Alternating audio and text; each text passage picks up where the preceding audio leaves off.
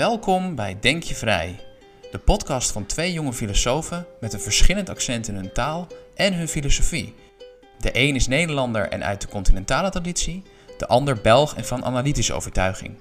In hun botsing komt allicht niet de absolute waarheid aan het licht, maar in het denken zijn ze vrij. Dag Jens. Hoi Albin. Welkom bij alweer de tweede aflevering van Wat vindt de filosoof? Nee, we hadden vorige week uh, een begin gemaakt met de enquête die aan vele filosofen gesteld is met de vraag wat is uw positie? En het zijn dus inderdaad een, een, een grote uh, range van onderwerpen die heel belangrijk zijn in de filosofie. En dus inderdaad een enquête die gevraagd is aan, aan, aan duizenden filosofen van wat, wat vinden jullie nou van deze belangrijke filosofische onderwerpen? En zoals we inderdaad vorige week al bespraken, de vraag is dan, kunnen we daar dingen uit afleiden? is het feit dat er een statistische meerderheid het eens is, een indicatie dat er misschien een bepaalde waarheid gevonden is? Of wat kunnen we überhaupt zeggen over waarheid binnen de filosofie? Nou, we hebben al een aantal vragen beantwoord vorige week, er zijn er nog een aantal over. Dus uh, zonder al te veel oponthoud zou ik zeggen, Jens, wil jij de eerste vraag introduceren? Ja, perfect. Uh, dus de volgende vraag gaat over de natuurwetten, laws of nature. En uh, zelf heb ik hier eigenlijk mijn thesis ook over geschreven, dus ik zou er iets van moeten weten, althans. En men heeft twee mogelijkheden hier. ofwel zijn dat natuurwetten Humeaanse natuurwetten, ofwel zijn ze niet-Humeaanse natuurwetten. En wat zijn Humeaanse natuurwetten dan? Humean laws of nature. Wel, het zijn gewoon weg patronen of, of regelmatigheden die we observeren. Het zijn dan niet per se wetten, ze zijn niet noodzakelijk op een ontologisch niveau. Morgen zouden ze bijvoorbeeld iets anders zijn, maar het zijn gewoon puur regelmatigheden. Niet-Humeaanse natuurwetten daarentegen zijn echte wetten met, met een, met een oemf. Hè. Uh, het kan gewoonweg niet anders dan mijn punt bijvoorbeeld naar het zwaartepunt of het middelpunt van de aarde valt. Want de gravitatiewet noodzaakt dat. Het gaat er dus om of dat wetten een soort van noodzakelijkheid hebben. Het kan niet anders dan dat uh, een fenomeen zich voordoet, of dat er een soort van contingentie is. Uh, het kon anders zijn. Dus ofwel is noodzakelijkheid echt deel van het weefsel van de kosmos, oftewel zijn de, zaken contingent. En wat zijn contingente zaken? Wel, bijvoorbeeld, uh, het, het, had kunnen zijn dat ik haar had, maar ik ben kaal. Dus dat is iets wat contingent is, in tegenstelling tot wel de zwaartekracht. Als ik mijn pen laat vallen, dan moet die noodzakelijkerwijs naar beneden vallen. Dat is dus het verschil, daar gaat het om. En de meeste filosofen zijn niet Humeaanse uh, natuurwet-aanhangers. Dus die stellen dat er wel degelijk een soort van ontologische noodzakelijkheid is in, in het universum. Uh, en dat zijn 54% eh, van de filosofen, en dat ben ik zelf ook. Uh, niet Humeaanse antireductionist, zou ik mezelf noemen. Dus ik neem zelf persoonlijk natuurwetten als primitieve termen in ontologische zin. En uh, voor mijn thesis heb ik zelfs een aantal uh, verschillende lagen van natuurwetten uh, onderscheiden, metawetten, zoals het principe van stationaire actie en symmetriewetten in de fysica, die dan boven ja, dynamische wetten staan. Dus een, een soort van hiërarchie van wetten. Dus dat is wel interessant om over te schrijven. En de Humeaanse filosofen zijn met 31% en dan nog 15% zegt iets anders. Zelf een, een mening over hier, Alvin? Ik heb hier net een, niet een hele sterke mening over. Ik heb natuurlijk braaf jouw thesis gelezen. Dus ik mhm. denk dat ik me maar schik onder de niet-Humiaanse uh, natuurwetten, inderdaad. Ja, heel goed. Um, ja, over het algemeen ben ik het vaak eens met Hume. Ik denk dat de insteek mm. dat wetten uiteindelijk regelmatigheden zijn, omdat we het enkel als regelmatigheden kunnen observeren, dat het een intuïtief idee is. Um, maar hoe meer ik erover heb gelezen, en dat is vrij beperkt, ook omdat ik er gewoon niet echt heel erg in thuis ben, eerlijk gezegd, uh, denk ik dat um, het argument wat jij net stelde voor de niet-Humeaanse wetten ook wel wat uh, ondersteuning heeft. Uh, dus ik weet het niet per se, nee, maar ik zou toch neigen naar de niet-Humeaanse natuurwetten, ja. Ja, dit gaat heel erg over intuïtie. Wat, wat, wat, is uw intuïtie hierover? Het is moeilijk om hier... er zijn wel van alle argumenten en zo, maar niks is echt heel erg overtuigend, moet ik zeggen.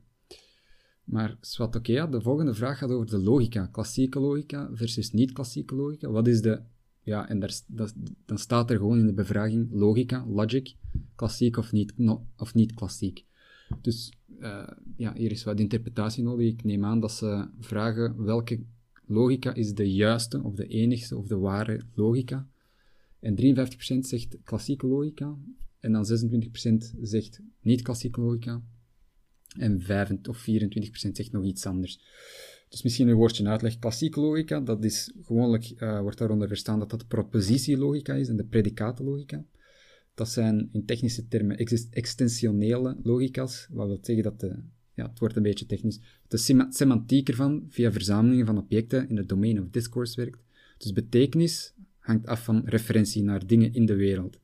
En dat is in tegenstelling tot intentionele logica's, uh, verwijst al naar intenties of concepten. En dat wordt gemodelleerd met ja, possible worlds of mogelijke werelden, mogelijke situaties. Dus dat is uh, ja, vrij, vrij technische materie allemaal.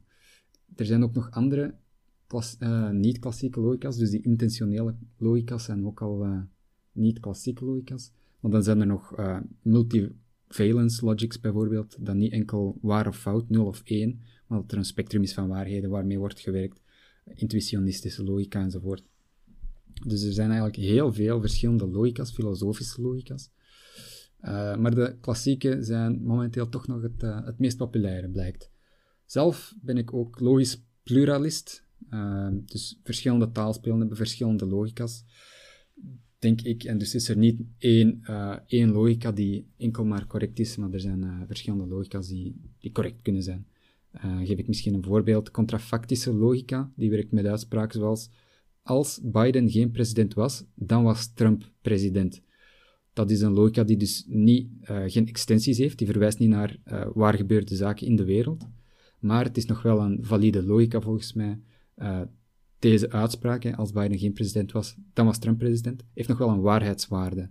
Denk ik dat, dat veel mensen mee zouden overeenstemmen. En je kunt er mee, mee redeneren. Want dan zouden zeggen, als Biden geen president was, dan was Trump president. En een soort van uh, logisch gevolg zou zijn, uh, en COVID had een groter probleem geweest, bijvoorbeeld. Als je nog een andere uh, veronderstelling had dat Trump heeft COVID slecht aangepakt. En die twee samen zouden dan de conclusie geven. Dus vandaar, verschillende logica's, dat is één soort logica. Ik denk dat dat geen onwettige logica is in het kort uh, de logica's. Ja, ik denk dat jij hier een stuk meer gedachten over hebt dan, dan ik. Uh, ik. We hebben samen uh, introductie tot logica gevolgd. Jij bent er nog iets verder in gegaan dan ik, volgens mij. Mm. Wat ik me wel kan herinneren is inderdaad paraconsistente logica, heet dat mm, volgens mij. Een bekende voorstander daarvan is Graham Priest. En een van zijn suggesties is dat ja, eigenlijk de grondslag van de westerse filosofie, die we echt vinden in, in Aristoteles, dus het idee dat iets, als iets waar is, dan moet het waar zijn. Als iets onwaar is, dan moet het onwaar zijn. En iets kan niet zowel waar als onwaar zijn. Um, the law of the excluded middle. Ah, precies.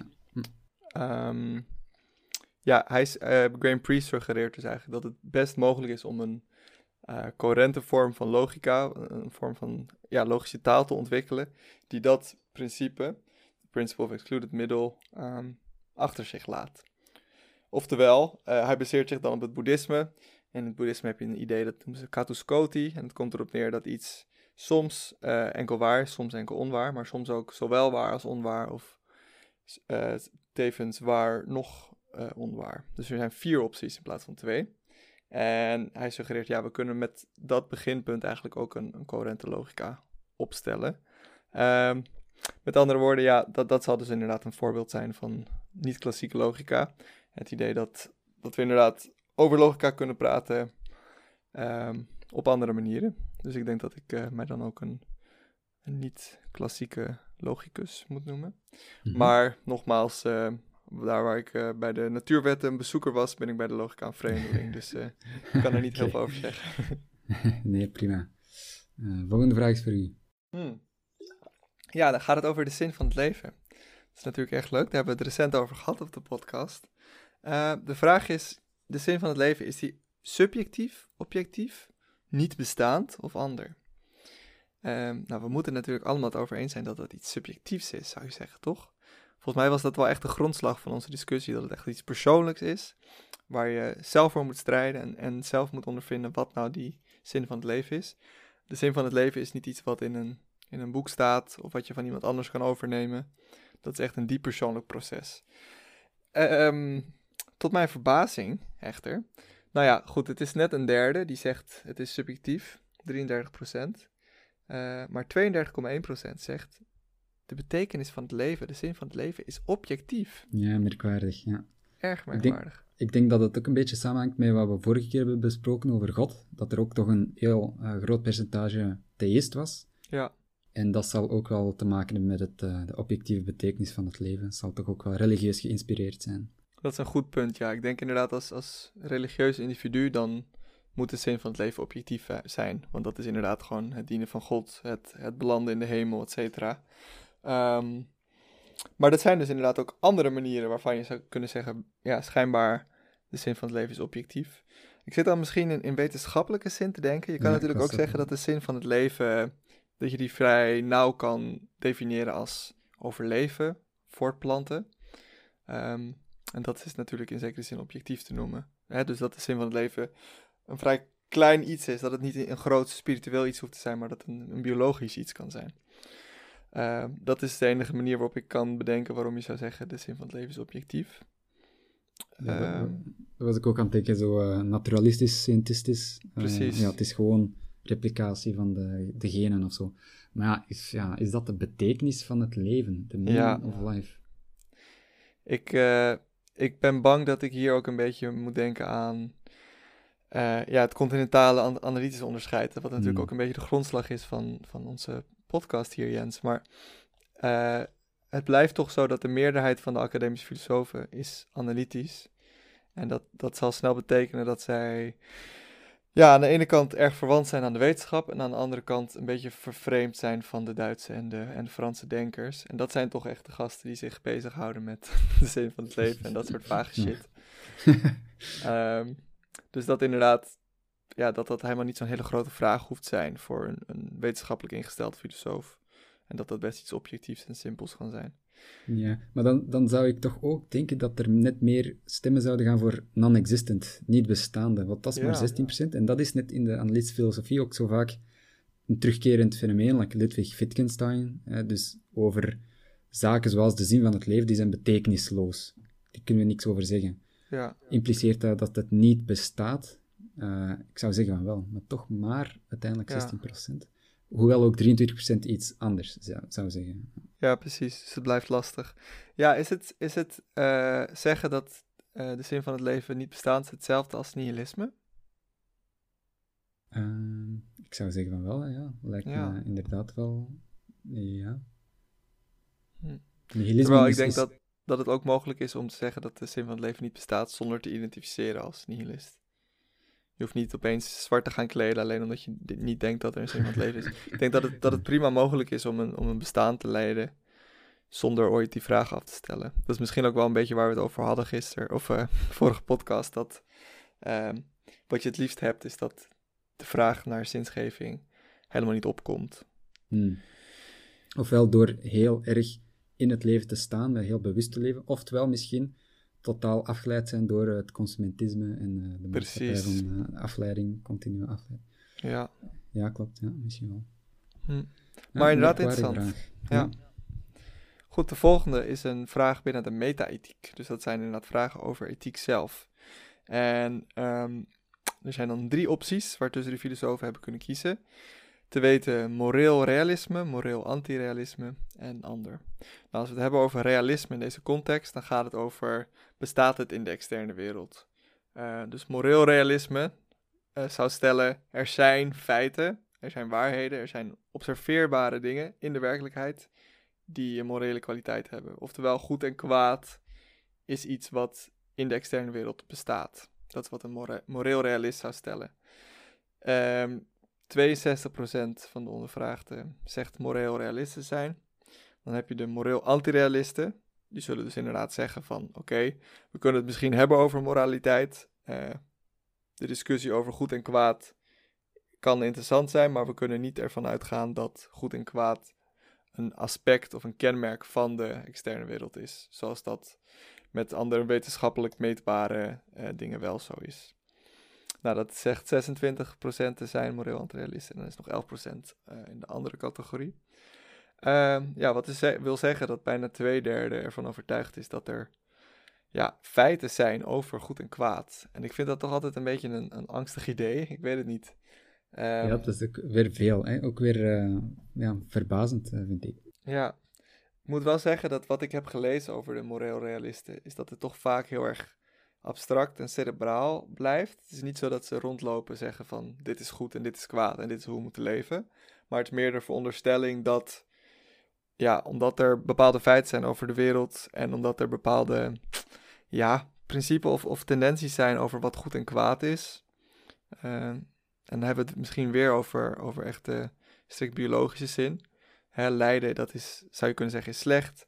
Gezond zijn en floreren, dat is goed. Dus daar heb je al een bepaalde vorm van basis om goed en kwaad en het uit af te leiden.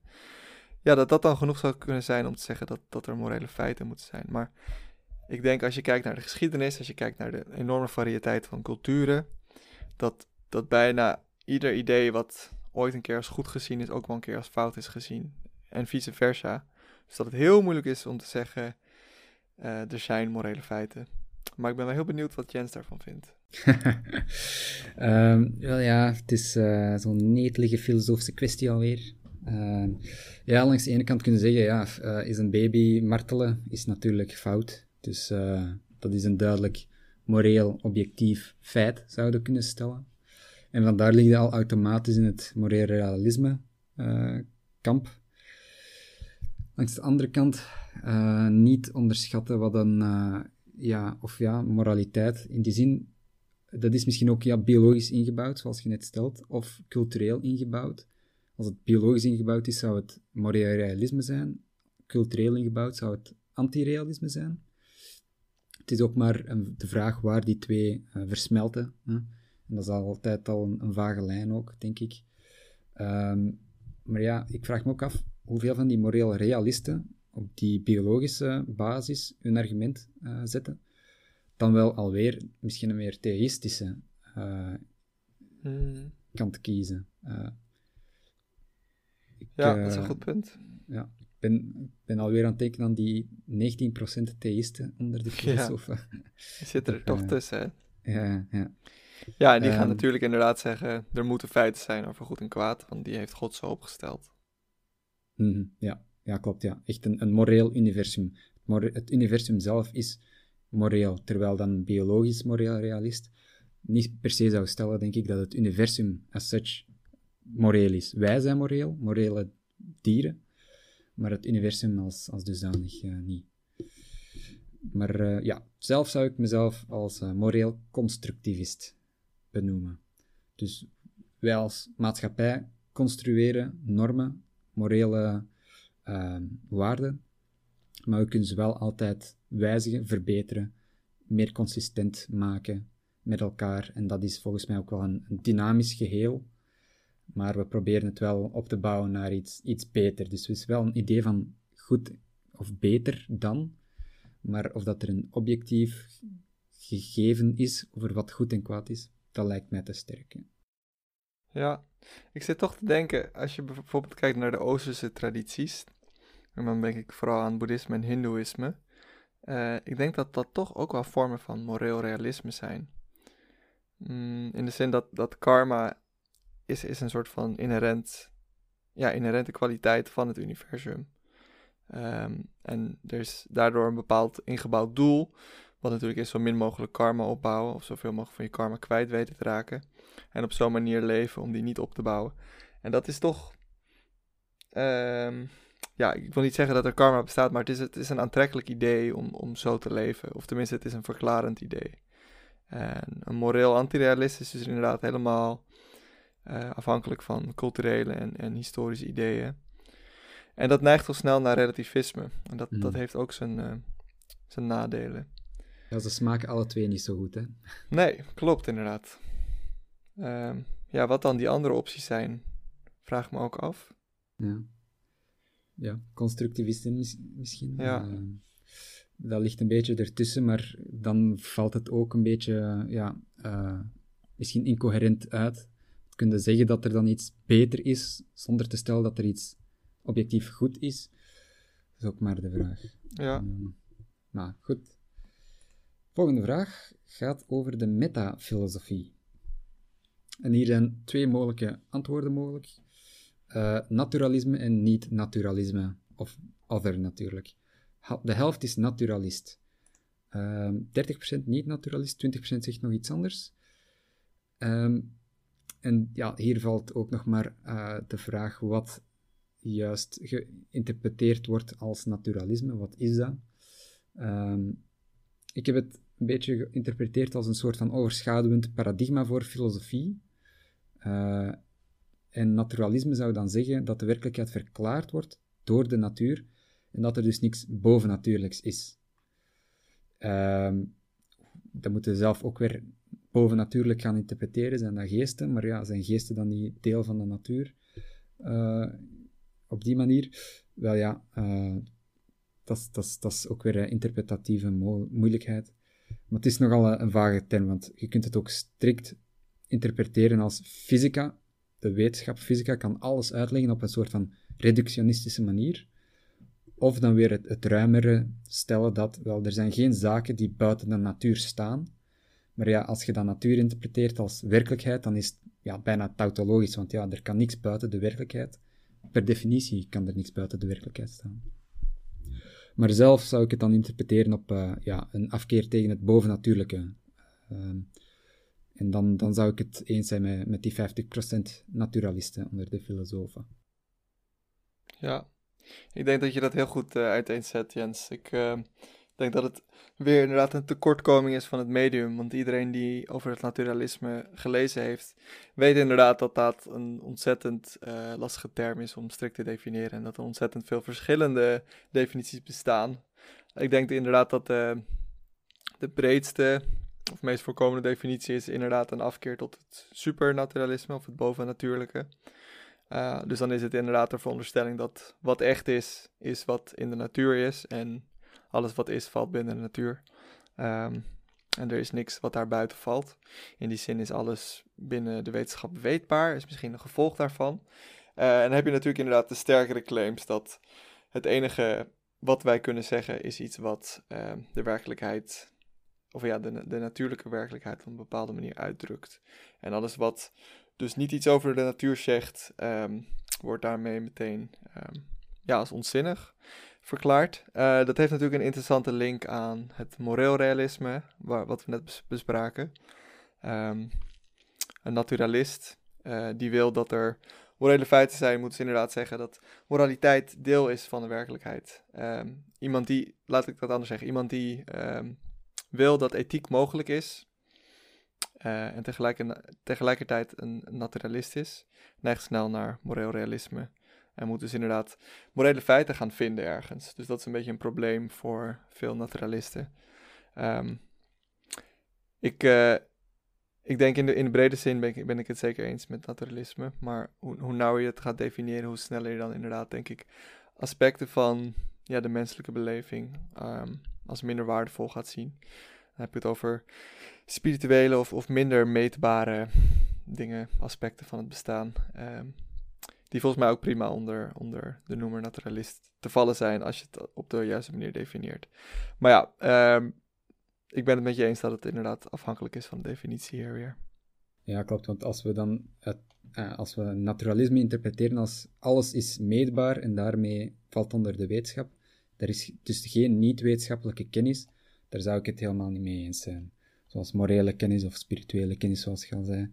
Of uh, metafysische kennis, bijvoorbeeld. Ja. Dus uh, ja, klopt.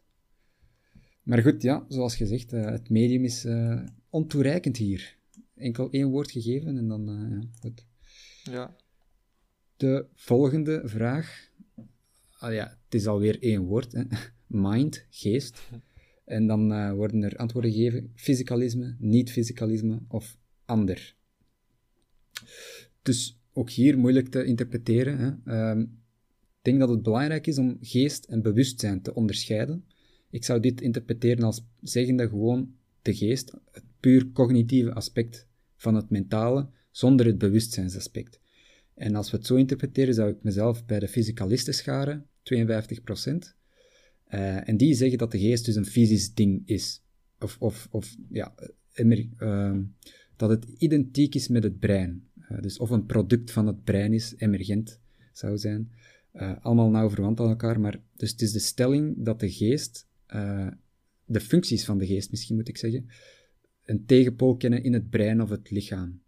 Niet-fysicalisme zou zeggen dat de geest elders vandaan komt, en dat is misschien een ziel of zo, en dus dat u, uw gevoelens, uw emoties, uw, uw denken, redeneren, komt misschien ja, van ergens anders als van het brein of van het lichaam. Dus zelf ben ik functionalist, physicalist of en functionalist. Uh, dat is een specificering. Uh, dus het brein wordt hier dan aanzien als een soort van een computer die cognitieve vermogens of ja, ge gegevensverwerkende vermogens heeft. Uh, en dus we kunnen het brein dissecteren en dan kunnen zien hoe een brein een rekensom maakt door de neuronen te volgen enzovoort. Dus ja, fysicalisme, dat is voor mij het fysicalisme van de geest. Hmm. Ik weet niet zeker of ik helemaal begrijp wat hier precies uh, uh, ja, aan de hand is. Dus, dus de onderstelling is dat de fysicalist vindt dat de geest een, een ja, fysiek emergent iets is. Heb ik dat goed begrepen? Um, ik denk dat de geest, de geest op zich is een concept dat verwijst naar de cognitieve vermogens waar wij, bewust, waar wij ons bewust van zijn, zou ik het misschien zo stellen. Maar die cognitieve vermogens hebben een basis in het fysieke aspect van ons lichaam, van het, van het brein. Oké, dus het feit dat ze een, een, fysieke basis hebben, wil nog niet zeggen dat ze volledig reduceerbaar zijn tot die fysieke basis. Um, dat is. Ja, is het suggestie dat het fysieke primair is, is mijn vraag. Ja. Oké. Okay. Uh, dan ben ik geen fysicalist. Hmm. maar van waar, van waar komen de. hoe, hoe, maakt, hoe komt het dat we een rekensom kunnen maken? Wat geeft de oplossing? Ik begrijp niet wat je bedoelt. 1 plus 1 is 2. Wat, wat, wat uh, produceert de oplossing, zal ik zeggen? 2. Ja, de geest, de, de ratio. Uh, maar ja, ik weet niet. Moet dat geen fysieke basis hebben? Ik, ik denk dat, uh, dat het zeker een fysieke basis kan hebben, maar ik zie geen reden om te denken dat die primair is. Mm -hmm. Ik denk mhm. best dat je de geest en het fysieke kan hebben, zonder te zeggen dat één daarvan uh, ja, primair of belangrijker is, of daar aan ten grondslag mhm. ligt. Maar als we het fysieke manipuleren, dan verandert het mentale, maar niet op eenzelfde manier zou je het omgekeerd kunnen zeggen. Dat is misschien uh, een argument voor fysicalisme. Uh, ja, als dat zo zou zijn, wel. Maar ik, weet, ja, ik denk dat in sommige aspecten is het zeker makkelijker om de geest te veranderen door, door het fysieke te veranderen. Maar het tegenovergestelde is ook zeker mogelijk. Neuroplasticiteit is daar een voorbeeld van. Um, ja, je zou kunnen zeggen dat, dat een bepaalde houding hebben waardoor je um, gezonder gaat eten, kaart gaat sporten, dat dat ook een fysieke uitdrukking heeft. Um, dus ik weet niet of, of het kat-en-muisspel van bedenken of het fysieke of het mentale nou primair is. Of mm. dat echt een, een, een, vruchtbaar iets is. Mm. Um, en als ik inderdaad weer uh, mij mag beroepen op Spinoza, dan uh, kunnen we inderdaad stellen dat ja, de, de, het, zowel het fysieke als het mentale is een uitdrukking van hetzelfde onderliggende geheel. En er is niet iets wat primair is of, of kausaal um, ja, vooraan staat. Ja, oké, daar kan ik me ook wel vinden. Uh, als, als we zeker het bewustzijn er gaan bij betrekken, dan ben ik denk ik geen fysicalist. Dus mm. bewustzijn wordt niet volgens mij geproduceerd uit uh, het brein. Uh, op dezelfde manier als, als onze cognitieve gegevensverwerkende vermogens dat zijn. Ik denk, ja. Neuronen kunnen volgen, die vuren en die, ja, als een computer, hè, dus ah, misschien is dat weer ja, de analogie software versus hardware. Hè. Onze geest is de software, maar die heeft duidelijk haar basis bij de computeranalogie dan in de hardware. Er is niks anders dan de hardware, ook al zien wij op een groter, een, een hoger niveau enkel de software en kunnen wij interageren met ons bureaublad en uh, op icoontjes klikken en zo, maar uiteindelijk is dat reduceerbaar in de, in de, in de pure zin tot de hardware, de, de chips ja. en de elektriciteit ertussen. Ja, ik denk dat een andere manier waarop je dat zou kunnen beschrijven is dat, dat, er, uh, dat de geest of het bewustzijn in bredere zin uh, aanwezig is en, en prevalent is. En dat de geest niet, een, niet de hardware is die dat produceert, maar de antenne is die het opvangt en het, en het een soort van kader biedt, ehm, meetbaar maakt. Ik denk dat Aldous Huxley daar een mooi, mooi voorbeeld van is. Volgens hem zijn, ehm, ja, de, is, is de geest niet een manier om ehm, ervaring mogelijk te maken, maar juist om de, totale puurheid en chaos en compleetheid van, van de beleving en het bewustzijn uh, terug te brengen, te reduceren tot iets wat, wat hanteerbaar is. Dus het is geen ja, toegang bieden, maar juist het, terugbrengen tot iets wat, wat hanteerbaar is. Ik weet niet of dat, of dat uh, duidelijk is wat ik daar probeer te hmm, zeggen. Maar... Interessant. Ja, nee, niet helemaal, maar misschien moeten we hier uh, een keer een podcast over doen. Dat, dat lijkt me een goed idee. Interessant uh, thema, ja. Ja, hier... maar het is inderdaad een goed punt wat je maakt, dat, het, dat er een verschil kan zijn tussen geest en bewustzijn. Dat is misschien ook wel interessant om een keer over te praten. Mm -hmm, ja. Nee, goed, want hier verschillen we misschien wel van mening, eindelijk. Ja, oké, dan gaan we daar zeker een keer over in debat. Leuk. Prima, dan komen we bij de volgende vraag. Dat gaat over normative ethics, normatieve ethiek. Uh, dit is eigenlijk de, ja, de belangrijkste of de grootste, breedste vraag in de ethiek. Uh, namelijk, de opties zijn deontologie, consequentialisme en deugdenethiek. Dat zijn toch wel volgens mij de drie grote scholen binnen de ethiek. Nou, deontologie, daar kunnen we Kant volgens mij wel als de grootste boeman uh, onderscharen. Consequentialisme, uh, ja, dat is een brede term. Die komt van uh, Anscombe, een, een ja, hedendaagse filosoof. En die gebruikt eigenlijk een beetje als scheldwoord. Maar als consequentialiste is denk ik dan toch de belangrijkste school is utilisme. En dan hebben we natuurlijk de deugdethiek. En ik denk dat de grootste voorstander daarvan Aristoteles zal zijn. Goed, het is een, een goede verdeling. Er is geen consensus, kunnen we wel stellen. De deontologen krijgen 32% van de filosofen achter zich. De consequentialisten 30%. En de, deugdethiek, de deugdethici krijgen 37% achter zich. En dan hebben we nog 18% die een andere optie vinden. Uh, daarmee heeft uh, Aristoteles gewonnen en is Kant onzin en uh, daarmee uit. Nee, dat is inderdaad wel interessant, want dit is inderdaad al een gesprek wat, wat inderdaad duizenden jaren aan de gang is een filosofisch onderwerp waar geen antwoord op lijkt te zijn, zo lijkt het. Um, toch is er een kleine, kleine meerderheid die uh, deugd en ethiek als de, het beste systeem ziet. Ja, even heel kort. Uh, we hebben het volgens mij al in andere afleveringen besproken, maar de deontologie, dus dat is inderdaad Kant, die stelt je kan niet uh, beslissen of een handeling goed of kwaad is op basis van zijn uitkomst. Het gaat om de intentie.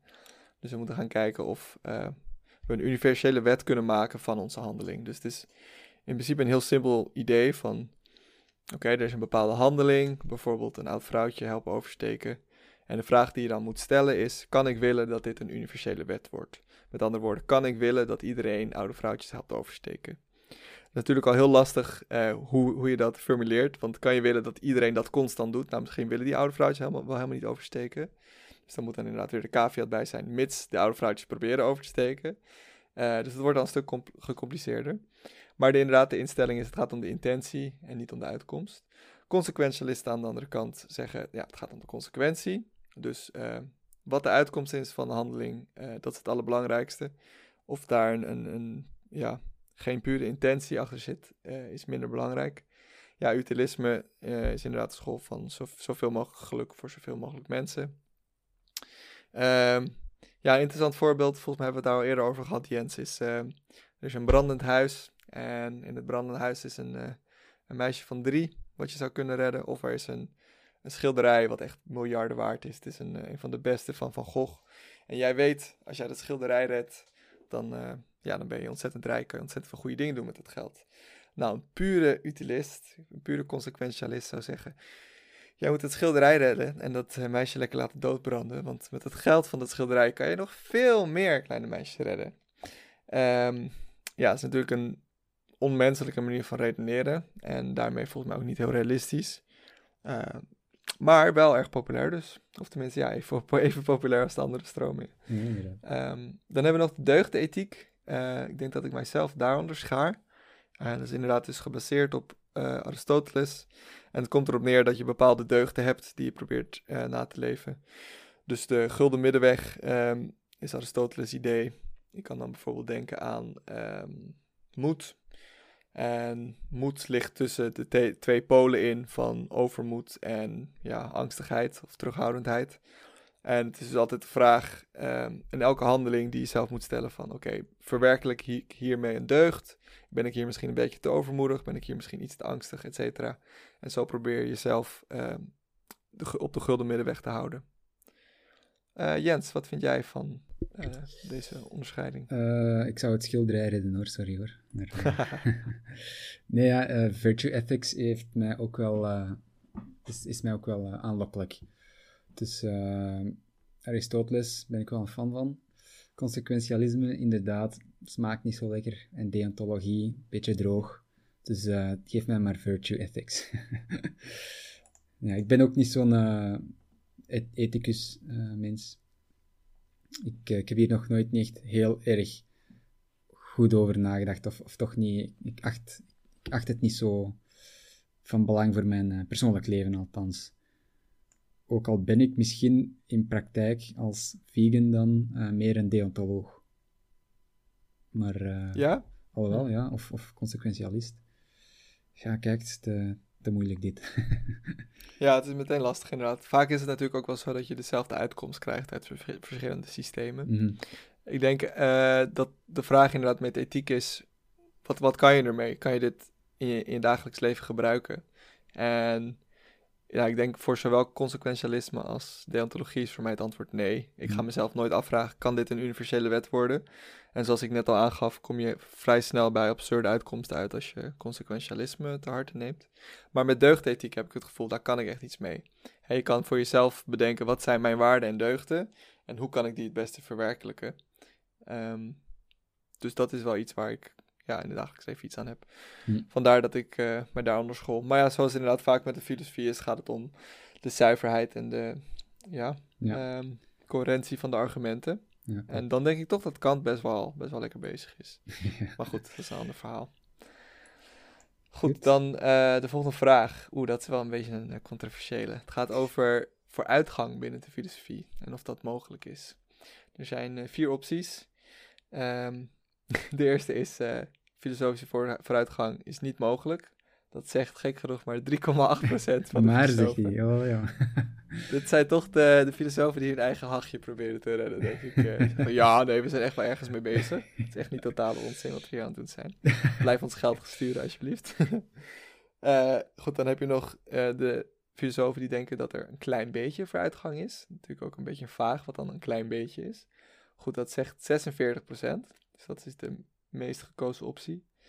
Dan is er nog uh, de optie om te denken, er is heel veel vooruitgang in de filosofie. Dat denkt 41%. En dan is er nog de andere optie met 8%. Met andere woorden, uh, ja, bij elkaar is dat 96, 97%, 87% zegt uh, er is vooruitgang binnen de filosofie. Of hm. dat nou een beetje of, een, of veel is. Um, ja, ik denk inderdaad dat we hier dan terug moeten gaan naar de vraag: wat is het doel van de filosofie? Hmm. En daar zagen we al, het doel is niet waarheid, het doel is, het doel is niet geluk, het doel is begrip.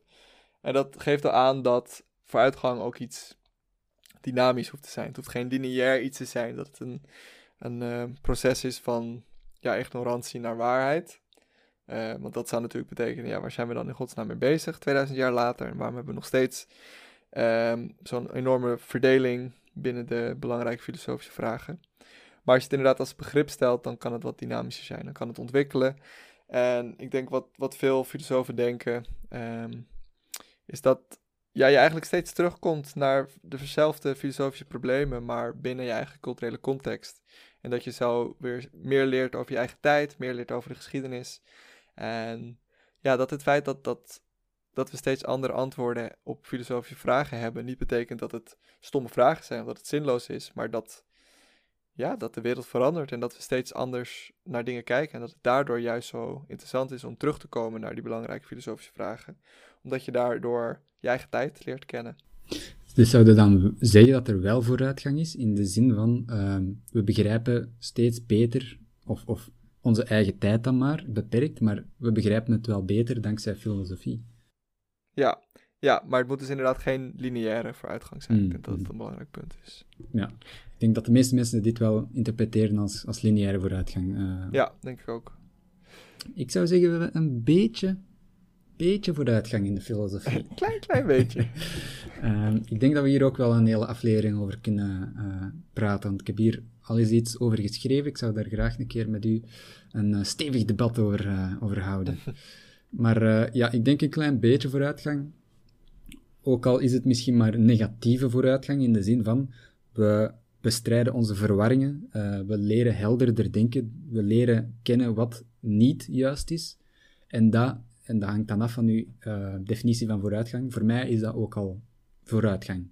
En in die zin zou het toch op zijn minst een klein beetje vooruitgang zijn. Een concreet voorbeeld, de definitie die Plato opstelde van kennis, justified through true belief, gerechtvaardige ware, kennis, is recent, in de jaren 60 als ik me niet vergis, onderuit gehaald door een filosoof, Gettier, dus door de Gettier cases. Dus dat is een vrij eenvoudig tegenvoorbeeld aan, aan de definitie opgesteld. En daarmee is dus 2500 jaar oude, wat toen gevestigde kennis was, of wat men dacht, is daarmee onderuit gehaald. En dus is er een soort van vooruitgang uh, geboekt. Namelijk, we weten nu wat kennis alvast niet is. dus niet uh, justified true belief.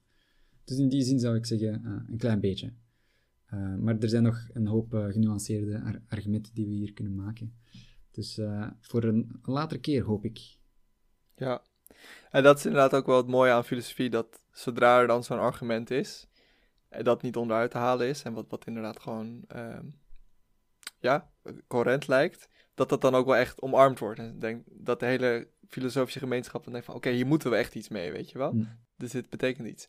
Dus in die zin zou je inderdaad zeggen dat er binnen bepaalde debatten, binnen bepaalde problematiek vooruitgang is. Um, wat natuurlijk nog niet wil zeggen dat er op een gegeven moment een, een puur antwoord is. Hm. Maar ja, dat is inderdaad een uh, interessant debat. Um, Oeh, ik heb weer een controversiële op de lijst staan, Jens. Het gaat hier over ras. En de vraag is: is ras biologisch, sociaal, onecht of anders? Hm. En um, nou, gelukkig durf ik wel te zeggen. Zegt bijna twee derde dat ras sociaal is. Uh, ehm, 15% zegt dat ras niet bestaat. Maar Jens, 18,7% zegt dat ras iets biologisch is. Um, dan hebben we nog 13% die de andere optie kiezen. Ja, weer is het natuurlijk heel erg belangrijk om dan hier te weten. Wat, wat bedoelt bedoel, met ras? ja, wat bedoel je hiermee? uh, ik denk dat het best mogelijk is om um, te denken dat ras biologisch is, zonder daardoor een soort van nazi te zijn. um, er zijn, ik denk dat dat ja, misschien controversieel is om te zeggen, maar er zijn gewoon verschillen tussen bepaalde bevolkingsgroepen. Dat is natuurlijk altijd de vraag of, of ras een, een, zinvolle term is. Um, ja, ik denk dat, dat bepaalde karakter of ja, bepaalde eigenschappen die tot ras worden toegeschreven, misschien een biologische grondslag hebben en andere misschien meer een sociaal element hebben. Maar er zijn verschillen tussen mensen. En die, ja, die kan je heel grof in, in ras categoriseren. Of dat nou nuttig is of niet. Nogmaals, dat is een, uh, een debat. Maar um, ja, goed. Om, om te doen alsof die verschillen helemaal niet bestaan. En te doen alsof het helemaal een sociaal construct is. Is een beetje uh, je kop in de zand steken. Maar om inderdaad te zeggen dat het puur biologisch is. En dat er geen sociaal element is aan ras. Dat is nog veel enger. Um, dus nogmaals denk ik dat er verschillende opties uh, gekozen moeten worden. Uh, de grote reden om te zeggen dat ras niet biologisch is, is zoals ik al aangaf, dat het gewoon ja, tot heel, heel veel narigheden kan leiden. Uh, daarvan is het nazisme natuurlijk een, een klinkend voorbeeld. Hm. Um, ja, wat denk jij, Jens? Ja, puur sociologisch kunnen we, kunnen we wel vaststellen dat ras een categorie is waar veel mensen blijkbaar belang aan hechten. En dus in die zin is het een sociaal construct. En het wordt, het, het wordt gebruikt om uh, ongelijkheid te legitimeren in bepaalde kringen. Uh, in die zin is het sociaal, maar onecht. Al, wel, het is sociaal. Aan de andere kant biologisch. Uiteraard is, zijn een aantal raciale, tussen aanhalingstekens, uh, kenmerken biologisch. Huidskleur. Ja, sommige mensen zien zwart, sommige zien wit, sommige, sommige zien geel. Dus dat is uiteraard een, biologisch gegeven, lijkt mij. Dan is het de vraag of, of met die oppervlakkige kenmerken ook dieper liggende verschillen gepaard gaan, die, ja, ik weet niet, die belangrijker zijn voor ons mensen. Bijvoorbeeld of daar uh, weet ik veel, eh, intelligentie of uh, ander, ander soort zaken mee gepaard gaan. Daar lijkt mij de wetenschap uh, toch wel een, een, antwoord op hebben gegeven. Nee, dat, dat is niet zo. dus ja, ik zou me eerder scharen. Ja, dus het is, het is, het is de vraag wat je bedoelt. Ja. Dus ras is een, als we het zien in onze maatschappij, het, het duikt op her en der. Dus het is een sociaal construct op die manier.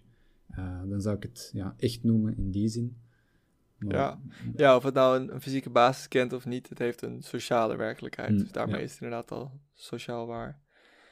Um, ja, wat je zegt inderdaad, die, dat de, de vraag is gesteld of er bepaalde verschillen zijn tussen rassen. En ik denk dat frenologie daar mhm. misschien de meest, het meest beangstigende voorbeeld van is.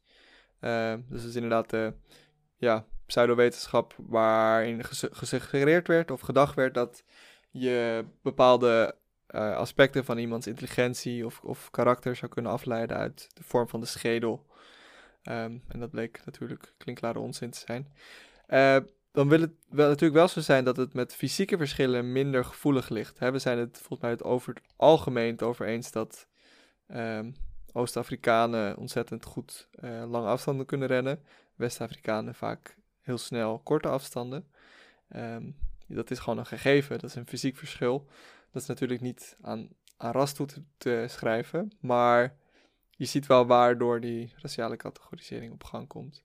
Maar nogmaals is het inderdaad ja, willen we weer die richting van frenologie ingaan en daar echt onderzoek naar gaan doen? Of is, zijn de sociale gevolgen daarvan potentieel zo groot dat het misschien beter is om die vraag maar überhaupt gewoon niet te stellen? Ja, klopt, ja. Want er is wel misschien een, een, een waarheid dat aan de basis ligt van zo'n vraag. Er is een antwoord op of het A of B is.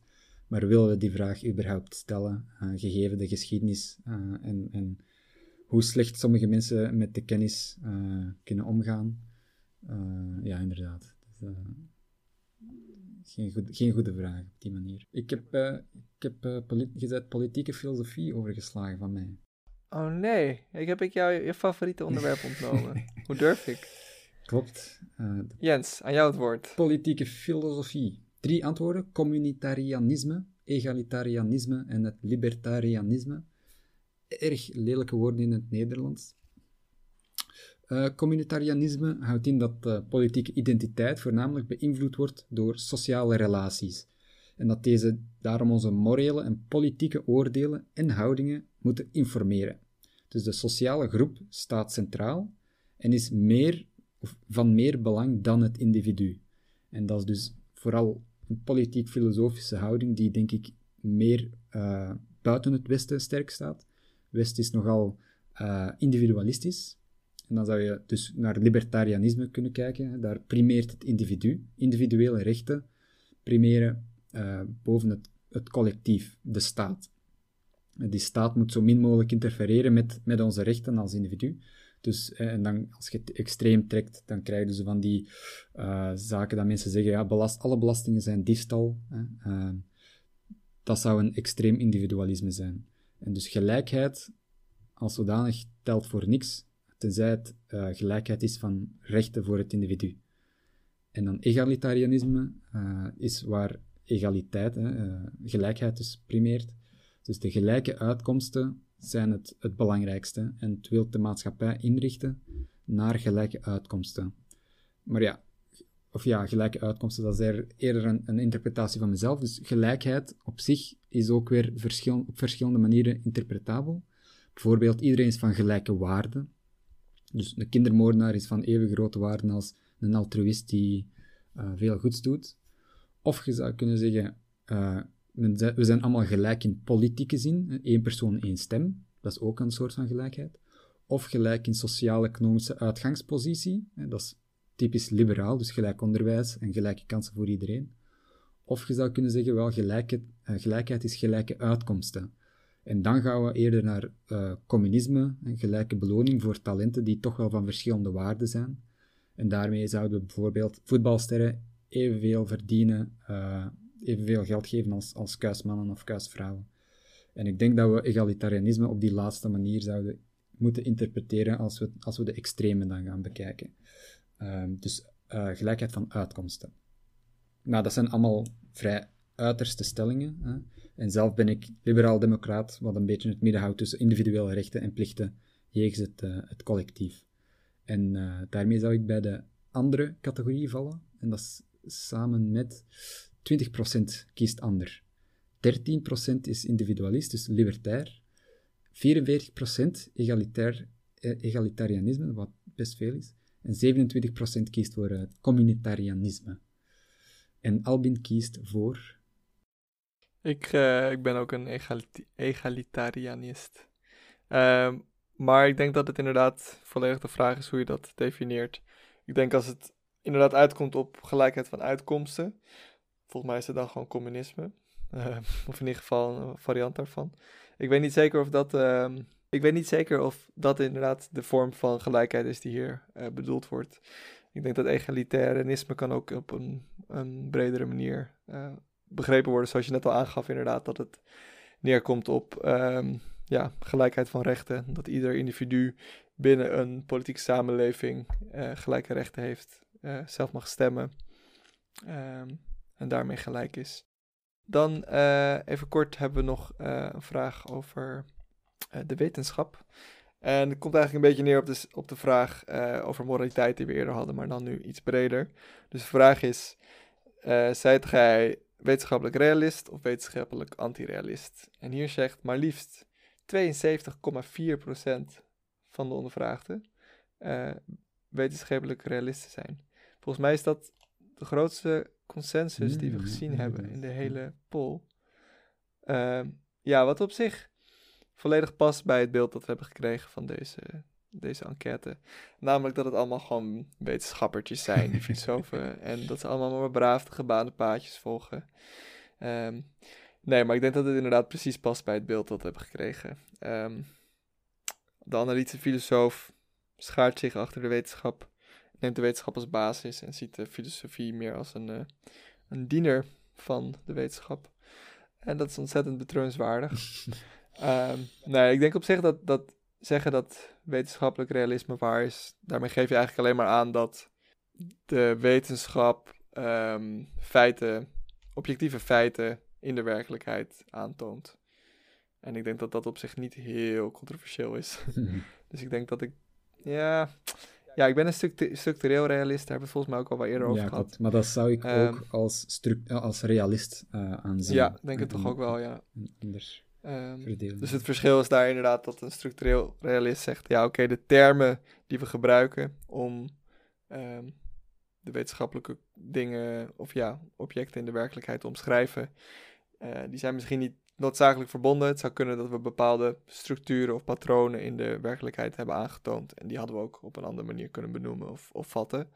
Uh, maar er is toch wel iets echts in de werkelijkheid die we ja, een soort van aanraken of, of uh, vatten door onze wetenschappelijke terminologie.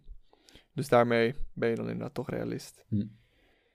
En antirealistisch zou eigenlijk zeggen: het enige waar we toe in staat zijn is een empirisch adequate theorie. Dus die zeggen, ja oké, we kunnen misschien dingen observeren uit de externe werkelijkheid, maar of we daardoor echt weten dat, er, ja, dat die echt bestaan, dat blijft altijd maar een vraag. Um, ja, het is een interessant debat, maar er is dus inderdaad zeker wel consensus uh, tussen de filosofen dat realisme hier het juiste antwoord is. Mm. Mooi. De, inderdaad, zoals gezegd, de, meest overtuigende meerderheid die dat we tot nu toe uh, al hebben tegengekomen, denk ik. Ja. Alleen de belevingsmachine heeft een grotere consensus. Ah, oké. Okay. Oké, okay, Albin, dan zijn we alweer aangekomen bij de laatste vraag van de grote filosofenbevraging. En dit is toch wel een interessante vraag, vind ik. Het gaat over de filosofische methoden. En dan staat er tussen haakjes achter welke van de methoden, het is dus eigenlijk een meer keuzevraag, zijn de meest handige, useful, slash belangrijke, important. En we hebben een, een aantal, uh, best wel een groot aantal uh, methodes. Eentje waarvan ik zelfs nog niet had gehoord. Dus de eerste is conceptuele analyse. Dat is meestal wat wordt gezegd dat de, de methode van de filosofie is. En dus de klassieke methode, die van Socrates, Plato en Aristoteles. En dat betekent ja, het, gewoon het nagaan van wat een concept nu eigenlijk betekent door het toe te passen op allerhande situaties En zo terug te werken via ehm, argumenten, uh, via dialoog hè, meestal, naar de essentie van wat iets betekent. Door reconstructie, als het ware. Dan, dat is dus de meest, uh, de meest populaire opvatting van 71%. Dus dat is toch een, uh, een serieuze, serieuze meerderheid. Maar zoals gezegd, is meer keuze. De tweede is heel nauw verwant en dat is conceptual engineering. En dat is eigenlijk iets vrij nieuw. Ik heb het even opgezocht.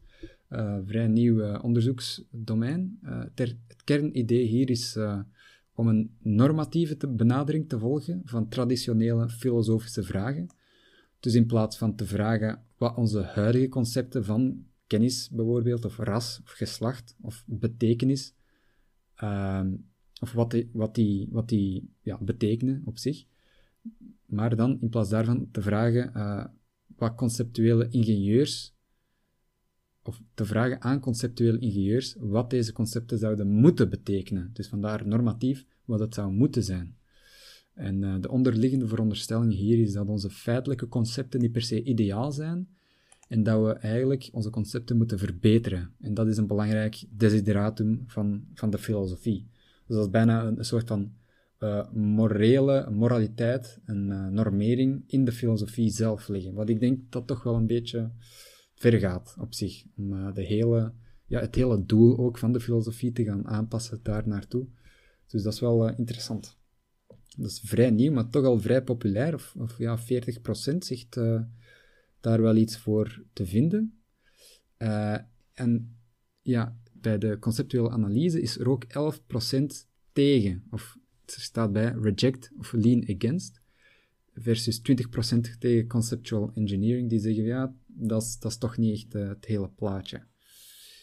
Uh, ja, Albin, jij al, uh, al ideeën over? Heb jij er al eens van gehoord, conceptual engineering? Nee, het is volledig nieuw voor mij. Um, nog nooit van gehoord. Maar wel interessant om een keer meer over te lezen. Ja, inderdaad. Het, is, het moet nu ook wel gezegd zijn. Uh, ik las dat al ja, dus de, degene die dat de filosofenbevraging organiseert, is ook een van de hoofdauteurs in dat, in dat veld van conceptual engineering. Dus er zit misschien een beetje een mm vooroordeel in hier. Vandaar dat het erop staat misschien. Uh, de derde keuze is empirische filosofie.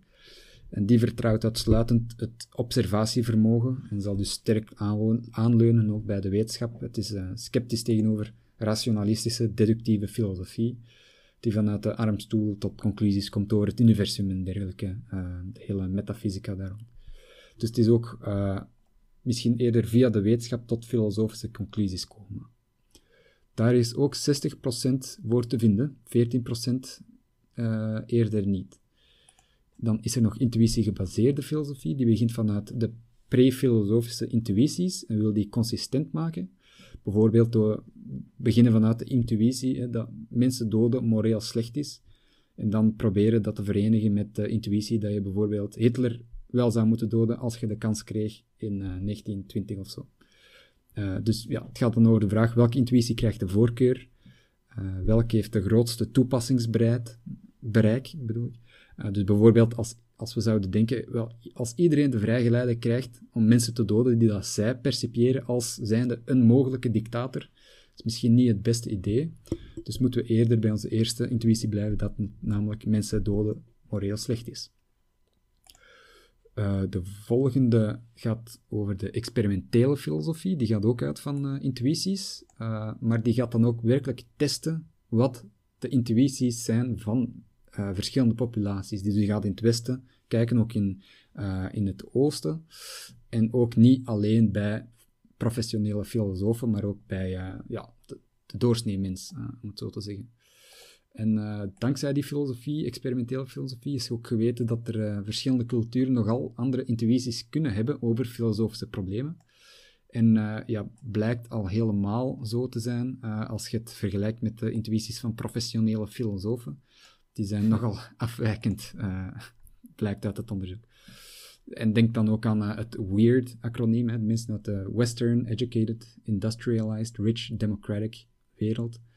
Die hebben vaak nogal afwijkende wereldbeelden van de, de doorsnee mens op deze aarde. Ja. Um, maar ja, geeft deze methode aan wat dan het correct antwoord zou kunnen zijn op een filosofisch probleem? Ja, niet echt. Hè? Tenzij dat we moeten vertrouwen op uh, de statistisch meest waarschijnlijke antwoord. Uh, maar deze bevraging is... Nee, maar het geeft wel aan dat we voorzichtig moeten zijn met onze kanon blind aannemen. Ja, want dat zijn dat inderdaad allemaal weird gasten. Ja, ja, ja, klopt. En dus dat is wel een, een heel uh, nuttig, interessante methode. Hè?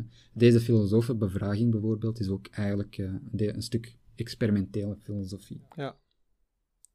Wat op zich wel interessant is, want dit is ook de optie die het meeste mensen uh, afwijzen. ja, ja. dus 35% zegt uh, experimentele, experimentele filosofie, daar moeten we niks mee.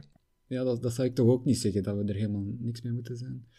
Uh, het meest nuttig, meest belangrijk zou ik het zeker niet noemen, maar ja, toch zeker interessant om rekening mee te houden.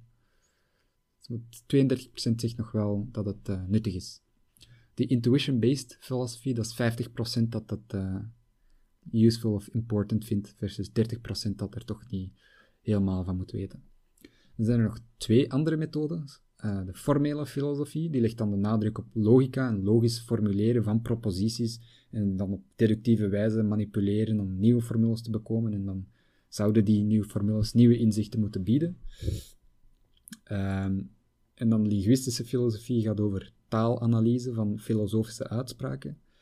En dat gaat in op wat een uitspraak precies betekent, met het idee dat sommige filosofische uitspraken gewoon ja, betekenisloos zijn en dus geen antwoord kunnen hebben. Bekend is, en zoals we net hebben gezegd, the meaning of life. Het leven is misschien... Uh, het leven heeft misschien geen betekenis, afgezien van uh, banale betekenissen. Of heeft enkel betekenis voor een persoon, niet voor de kosmos.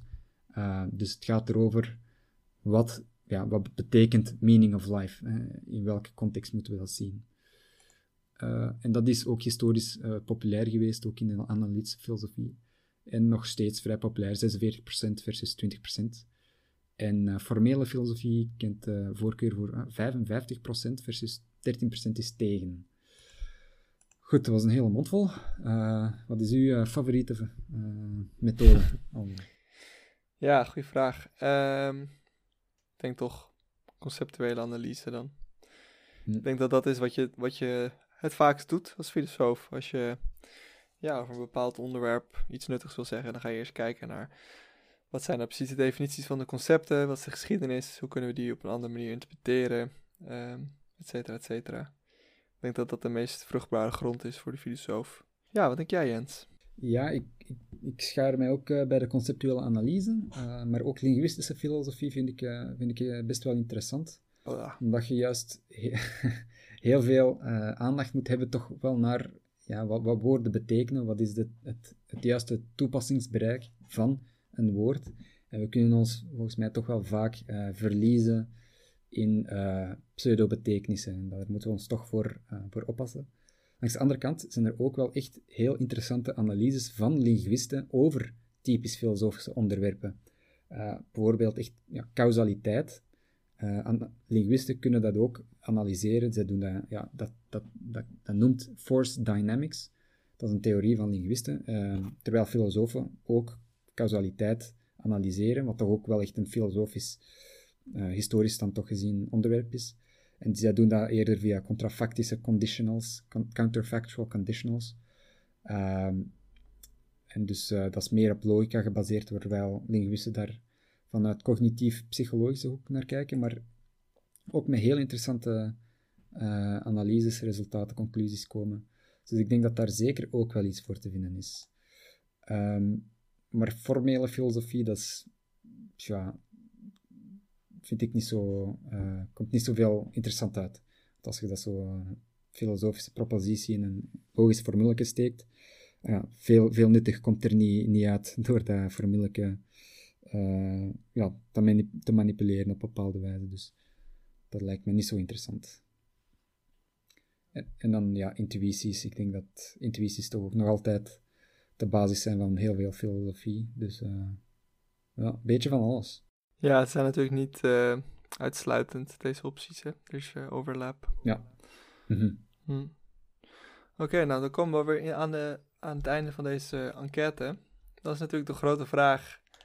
Heeft het ons iets geleerd over de waarheid? We weten nu wat filosofen vinden. Maar wat kunnen we daaruit afleiden? Is het alleen een sociologisch gegeven? Of geeft het ook bepaalde tendenties aan, bepaalde convergenties richting, ja, misschien wel waarheden? Wat denk jij, Jens? Ja, ehm, ik denk dat het toch echt voornamelijk een sociologisch gegeven is. Ik, ik zou wel eens geïnteresseerd zijn in, in verschillende van die enquêtes jaar op jaar na, naast elkaar te leggen. Ik denk dat er toch een serieuze variatie is tussen, tussen de antwoorden die worden gegeven. Ehm, maar ja, bepaalde, bepaalde vragen, ja, zoals wetenschappelijk realisme. Ehm, ja, wie weet, soms, soms zitten we misschien gewoon goed. Hè? Ik, eh, ik, herinner u eraan dat er toch wel een beetje vooruitgang is in de filosofie. Dus uh, misschien, uh, ja, misschien zit het hier wel in, hè, die vooruitgang, we weten het niet. Ja, ik denk inderdaad als we die vooruitgang begrijpen als een, als een, dynamisch, vorm, als een dynamische vorm van begrip, dan, ja, dan hebben we misschien niet de waarheid gevonden als, als filosofische gemeenschap, maar wel ja, begrip gebracht. En dat is toch ook iets waard. Ja, absoluut. Ik wil ook nog zeggen misschien dat we toch heel veel moeite hadden om uh, de vragen correct te interpreteren. Het waren eigenlijk zelfs niet eens vragen, het was gewoonlijk één woord, misschien twee woorden. Uh, wat daaronder wordt ja, verstaan is soms vaak heel moeilijk, omdat ook die woorden heel, heel lange geschiedenissen hebben. Er wordt al duizenden jaren over gediscussieerd, dus ja, wat een individuele filosoof daar, daaronder verstaat, hangt ook af waarschijnlijk van zijn gebied waar hij actief op is. Dus heel, heel veel nuance wordt verloren. En dus gaat er een, een heel grote um, onzekerheid op de uitkomsten van, van die enquêtes staan. Dus misschien, ja, de waarheid zullen we er toch zeker niet uit, uit kunnen halen. De, de variatie is te groot, denk ik, tussen, tussen ons begrip van de, de concepten. Ja. ja. Ja, dus inderdaad, zelfs al zou het zo zijn dat er een bepaalde convergentie is naar de waarheid, dan is dat ontzettend lastig af te leiden uit een enquête als deze. Wat natuurlijk ook wel weer een puntje is aan de uh, methodiek die we net bespraken, dat er toch wel echt een tekortkoming is, tekortkoming is binnen de experimentele filosofie. Uh, in de zin dat als je inderdaad zo'n enquête opstelt, je eigenlijk gewoon pagina's en pagina's uitleg zou moeten hebben van wat nou precies bedoeld wordt met deze vragen. Uh, ja, sinds die ontbreekt, uh, wordt het ontzettend lastig om hier echt iets uit af te leiden. Dus uh, uiteindelijk heeft het helemaal geen zin, gehad. Geen zin gehad. nee, maar het geeft toch wel aan waar, waar bepaalde uh, groepen filosofen het over eens zijn. En waar het dus inderdaad echt een hele goede verdeling is, zoals bij de, bij de ethiek, dat het bijna een derde was per optie. Hm. Ja, want dat geeft ook aan waar de discussies echt nog liggen. Hè? Het, is, het geeft misschien beter aan waar dat er net nog niet de waarheid gevonden is. Uh, want daar zullen ze misschien ook niet, geen vragen over stellen. Uh, de zaken waar iedereen het over eens is. Of dat de aarde een bol is of, of, of plat.